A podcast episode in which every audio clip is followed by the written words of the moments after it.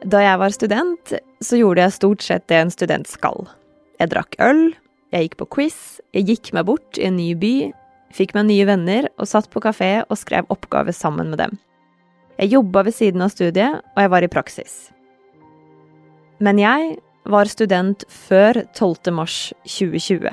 Norge blir satt på en stor prøve. Både som samfunn, men også vi som enkeltmennesker. For sjøl om koronatiltakene har gått litt opp og ned, så er det stort sett veldig lite av det her studenter har kunnet gjøre siden Norge stengte ned. Hva har ett år aleine gjort med de som skulle vært mest sosiale av oss alle sammen? Du hører på Forklart fra Aftenposten. Jeg heter Anne Lindholm. I dag er det fredag 12. mars. Sånn. Prøvde å gjøre det litt koselig. Ja, utrolig fint. Så fint lys. En typisk dag for Amalie som student, det var å eh, legge seg etter hvert ganske seint. Hun sovnet to, tre, til og med fire kunne klokken bli. Eh, og så sto hun opp en gang på formiddagen.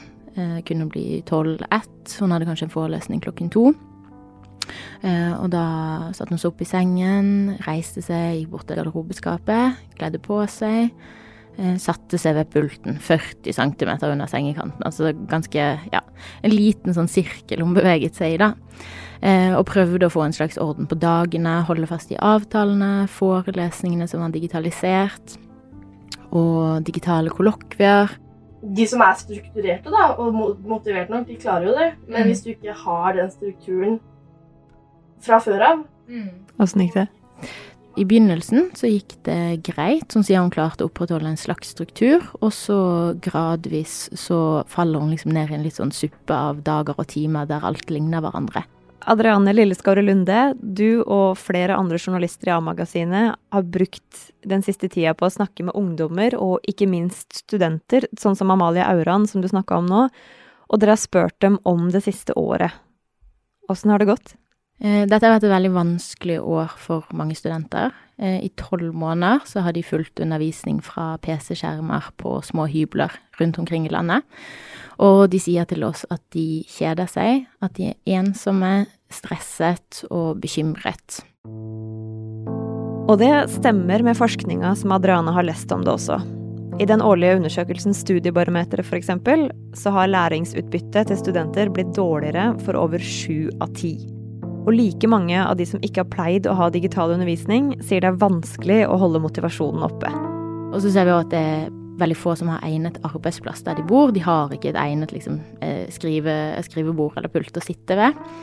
Eh, Og det har vært en gjennomgående utfordring på tvers av hvilken retning du går og studiestedet du, du tilhører. Og så er det jo liksom dette sånn hovedfunnet da, om at eh, halvparten av studentene sier de er blitt enda mer ensomme. Og det viser Studiebarometeret, men også andre undersøkelser, at eh, det sosiale har vært et, eh, et stort savn. Så litt sånn oppsummert så har dette vært et år preget av avstand, lite sosial kontakt og mye alenesitting for unge studenter. Og bekymringa til fagfolk har særlig handla om førsteårsstudentene. Sånn som Amalie Auran, som hadde pulten 40 cm fra senga. I høst så hadde hun pakka bagasjen, strikketøyet og favorittboka si, og blei kjørt til hybelen i kjellerleiligheten hun skulle bo i i Trondheim. Rommet hennes var på seks kvadratmeter. Amalie hun kommer kjørende med familien sin fra Skien, der hun er fra. Og da har hun eh, bak seg en liksom merkelig sommer, som mange av oss hadde. eh, Med mye stillhet og avlyste planer. Eh, Men så har hun med seg da et håp om at det liksom skal bli bedre i Trondheim. Hun har kommet inn på bachelor i fornybar energi. eh, Og verden står liksom litt på gløtt med lave smittetall. Så hun håper at nå skal det, nå skal det løsne. Jeg flyttet jo opp til Trondheim og tenkte at dette skulle være en ny start. da, Ny begynnelse. og Begynne på studielivet og være student og gledet meg egentlig til den opplevelsen. Når hun begynner, så forsøker universitetet å stable på beina en slags fadderuke. De prøver å arrangere sosiale møter og litt fester og arrangementer. Um, og så skjer det liksom gradvis. Smittetallene stiger, de, av, de får avlysninger, de må ombooke, og så blir det ingenting av. Og det skjer liksom først litt sånn gradvis, og så plutselig så er ting stengt, og undervisningen er digitalisert, og hun sitter der i sengen sin på dette lille rommet. Og Amalie begynner òg å bli mindre og mindre liksom, sosial. Hun har hatt en del venner hun har vært med, men så kommer det jo føringer fra universitetet om at de må være i kohorter. Hun føler kanskje at hun ikke klikker helt med de i sin kohort.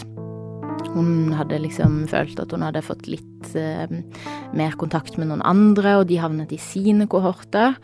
Um, og Amalie har da på dette tidspunktet en kjæreste som hun er veldig mye med, så hun legger liksom alle aksjene der, da. Eh, og så når eh, det på et tidspunkt eh, blir slutt, dette forholdet, så har egentlig Amalie ingen å være med.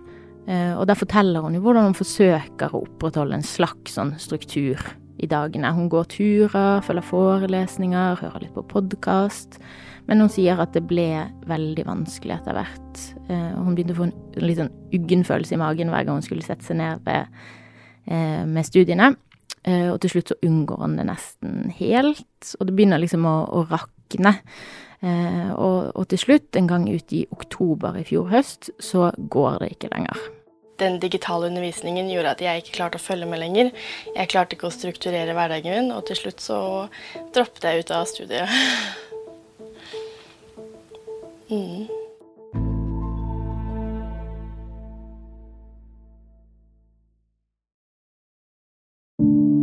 Under nedstengningene det siste året så har det vært mange å være bekymra for. De som bor aleine, de som ikke kan se kjæresten sin i et annet land, de som bor med voldelige familiemedlemmer. Fagpersoner slår alarm etter at tallet på anmeldte alvorlige voldssaker mot barn økte kraftig i fjor. Stine Sofie-senteret i Grimstad mener økninga kan forklares med pandemien. Og vi har vært bekymra for de som mista jobben. Sånn som Larin Nana.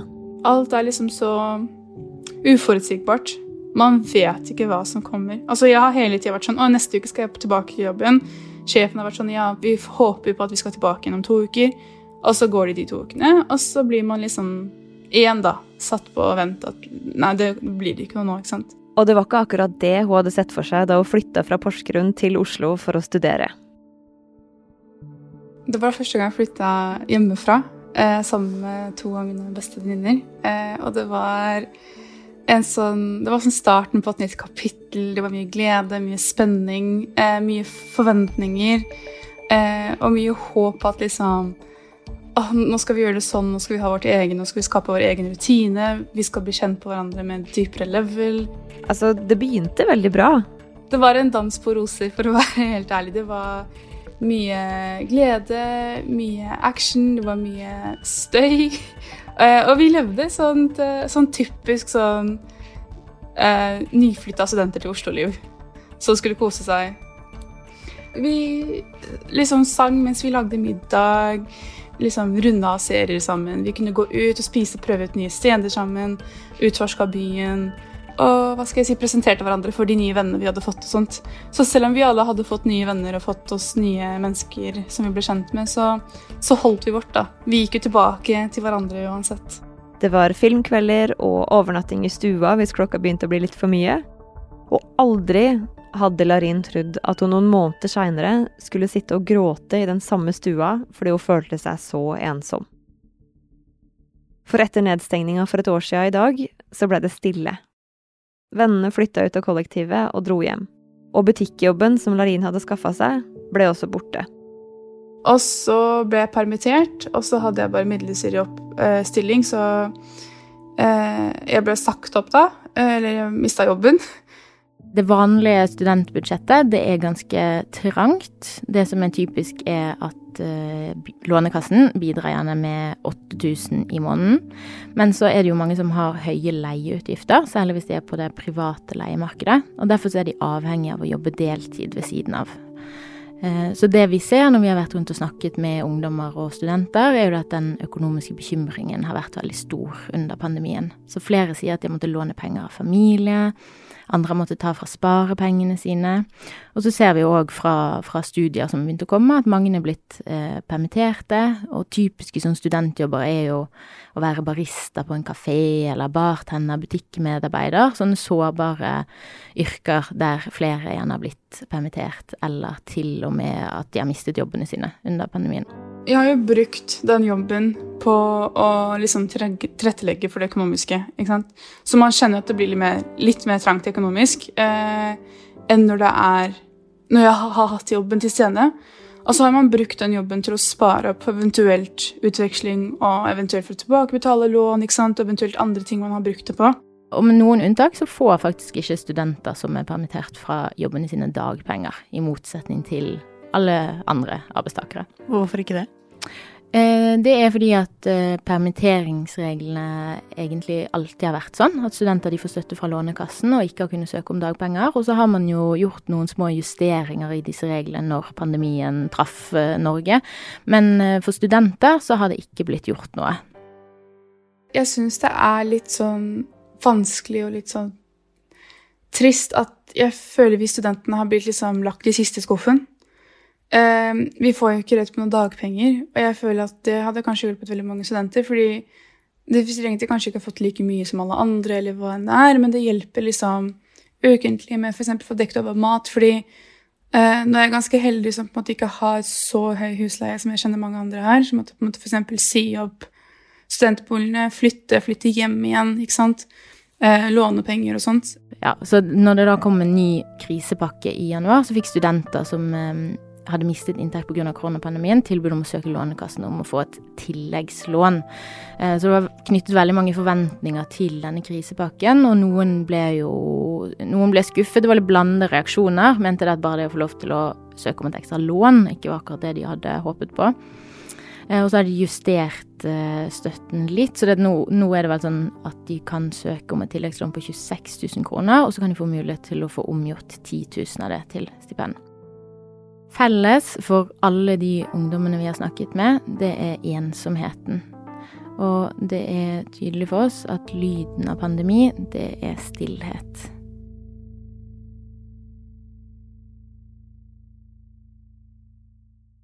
De har mistet kontakt med venner, og de er blitt mer isolerte. Noen forteller at de er blitt sjettemann i en gruppe nærkontakter på fem eller at de er blitt inndelt i kohorter uten sine nærmeste venner. Og da er det veldig vanskelig å være ung, for enten så må du henge med vennene dine uansett og bryte reglene, eller så må du pent holde deg til de du er tildelt. Og det sier seg selv at dette er veldig, veldig utfordrende valg å stå i for ungdom. Og studier som er kommet fra både Folkehelseinstituttet og Røde Kors, viser at det er en stor psykisk påkjenning å være ung uten å få lov til å være sammen med jevnaldrende. Eh, og det vet vi òg fra eksisterende forskning, at det sosiale er helt nødvendig for at ungdommer skal få utvikle seg intellektuelt og emosjonelt. Så det er en så viktig del av livene de er som nå er tatt fra dem. Så isolasjon kan rett og slett skade ungdom. Eh, og vi ser òg fra studier at mangel på sosial kontakt oppleves verre for yngre mennesker. Så de rapporterer, selv om alle liksom er fratatt sosial kontakt, så rapporterer yngre ungdom at de eh, opplever det som verre enn andre. Men det handler ikke bare om åssen pandemien påvirker hver enkelt av oss. For det er vanligvis sånn at kriser, som f.eks. naturkatastrofer, de går ekstra hardt utover de som allerede sliter. Og sånn som det ser ut nå, så virker det som om det også er tilfellet med koronaen. Allerede under første nedstenging så, så fant man at uh, via spørreundersøkelser og intervjuer at um, pandemien førte til mer bekymring, ensomhet, angst og depresjon i befolkningen. Men vi så at de som opplevde en størst økning i symptomer på psykiske helseplager, det var de med en psykisk diagnose fra før, de som var arbeidsledige, alene eller minoritetsgrupper. Så de som allerede var sårbare, de fikk det gjerne litt verre. Uh, og dette samme mønsteret fant man hos ungdom. Så de med dårlig økonomi, eller de som tidligere har vært utsatt for vold, f.eks., de hadde mange flere og sterkere psykiske plager enn andre. Kan du bare tenke på hvis en lærer som står fremst i klasserommet og sender hjem hele skoleklassen fordi at uh, pga. Smitte, smitteverntiltak, liksom hvor ulike hjem de blir sendt til. Noen kommer gjerne til eh, store hus med sånn, ressurssterke foreldre som har hjemmekontor, og som kan hjelpe de litt med skolearbeidet, og som kan lage mat til de. Mens andre sendes hjem til trangere leiligheter. Kanskje en forelder som er permittert, familien kan være stor, og det samme er de økonomiske bekymringene. Så da ser vi hvordan måte pandemien forsterker betydningen av de sosioøkonomiske eh, Altså bakgrunnen du, du kommer fra, da. Og en studie fra Nasjonalt kunnskapssenter om vold og traumatisk stress viser at ungdom i familier som tjener lite, og der foreldrene sliter psykisk, de har vært mer utsatt for vold og overgrep enn ungdom som ikke har de samme belastningene. Så igjen, de som allerede var sårbare før pandemien, de fikk det verre. Men så er det viktig å påpeke at her er det variasjoner, og vi kjenner ennå ikke det fulle bildet. Eh, men de forsker som gale akkurat nå. Eh, men overordnet for oss så er inntrykket så langt at dette har vært et veldig vondt og vanskelig år for mange unge. Som for Amalie, som droppa ut av bachelorstudiet på NTNU men som nå tar opp fag med fysisk undervisning. Og har fått rutiner, og det går egentlig litt bedre. Og Larin, som sitter aleine i kollektivet i Oslo, har fått jobbe litt innimellom på klesbutikken, og etter en ny permittering derfra nå i februar, så har hun fått seg jobb som ringevikar på en skole. Og sjøl om det er uforutsigbart, så er det en inntekt. Det jeg håper på det sterkeste, er at vi skal gå tilbake til en så nærme som normal mulig hverdag. Eh, hvor eventuelt jobben er tilbake, jentene er tilbake. Man kan Det jeg savner aller mest, er campus og det å sitte i forelesninger, sitte i salen og, og liksom leve det studentlivet som alle snakker om er de beste årene i løpet av livet ditt, ikke sant? Eh, som jeg føler liksom har blitt liksom tatt fra meg nå. Så jeg, jeg savner bare at ting skal tilbake til det normale. Og jeg tenker absolutt den tida her har jo vært med på å kanskje forandre litt sånn synsvinkler på ting. Jeg tror veldig mange folk har blitt mer Man setter mer pris på ting. Man setter mer pris på andre. Man eh, kanskje verdsetter tiden sin man har eh, i forskjellige ting, ikke sant? med forskjellige folk. Eh, og jeg håper liksom at vi kan ta det med oss videre, liksom.